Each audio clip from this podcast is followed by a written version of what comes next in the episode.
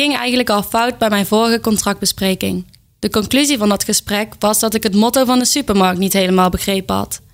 Wij verwachten dat je de supermarkt zo geweldig vindt dat je er in je eigen tijd ook fulltime mee bezig bent. Met een nul-urencontract zag ik dit niet helemaal aankomen. Ik had toch ook tijd nodig om te kunnen studeren? Blijkbaar niet. Als 17-jarige dacht ik toen natuurlijk dat ik de slechtste werknemer ever was en dat ik nooit meer aan een baan kon komen en misschien wel de gevangenis in moest.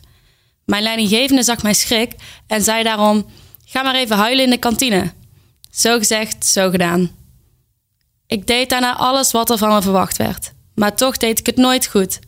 Zo zei een cashier eens tegen mij: Ik zou maar beter je best doen hoor. Er hangen hier camera's waarmee ze controleren of je wel goed, goed werk levert. Dat is dus exact de definitie van schending van mijn privacy. Maar goed, ik had gewoon inkomen nodig, zodat ik het bij Starbucks uit kon geven aan koffie, om de rit van en na de HVA te overleven. Bij mijn tweede contractbespreking ging het echt fout. Eerst natuurlijk een algemeen praatje. Hey Julia, hoe gaat het met je studie in Amsterdam? Is vast wel lang reizen, hè? Vertel me alles.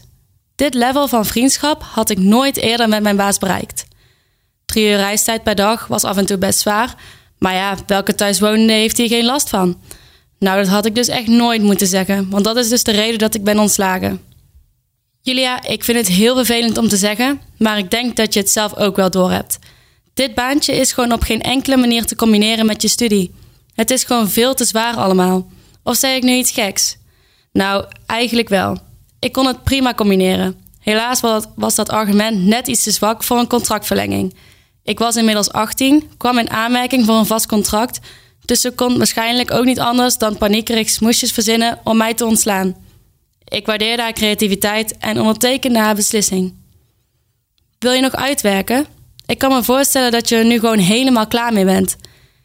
Ik heb ruim 2,5 jaar voor dit bedrijf gewerkt, mijn leven ervan gemaakt, want dat was dus de bedoeling, en er zelfs mijn profielwerkstuk over geschreven. Dus afscheid nemen was wel het minste wat ze me konden bieden. Ik zei dat ik dit graag wilde, maar werd natuurlijk nooit meer ingepland. Daarna heb ik trouwens nog minstens 20 minuten geluisterd naar onzin als: Ik vind het zo erg dat je nu je baan kwijt bent.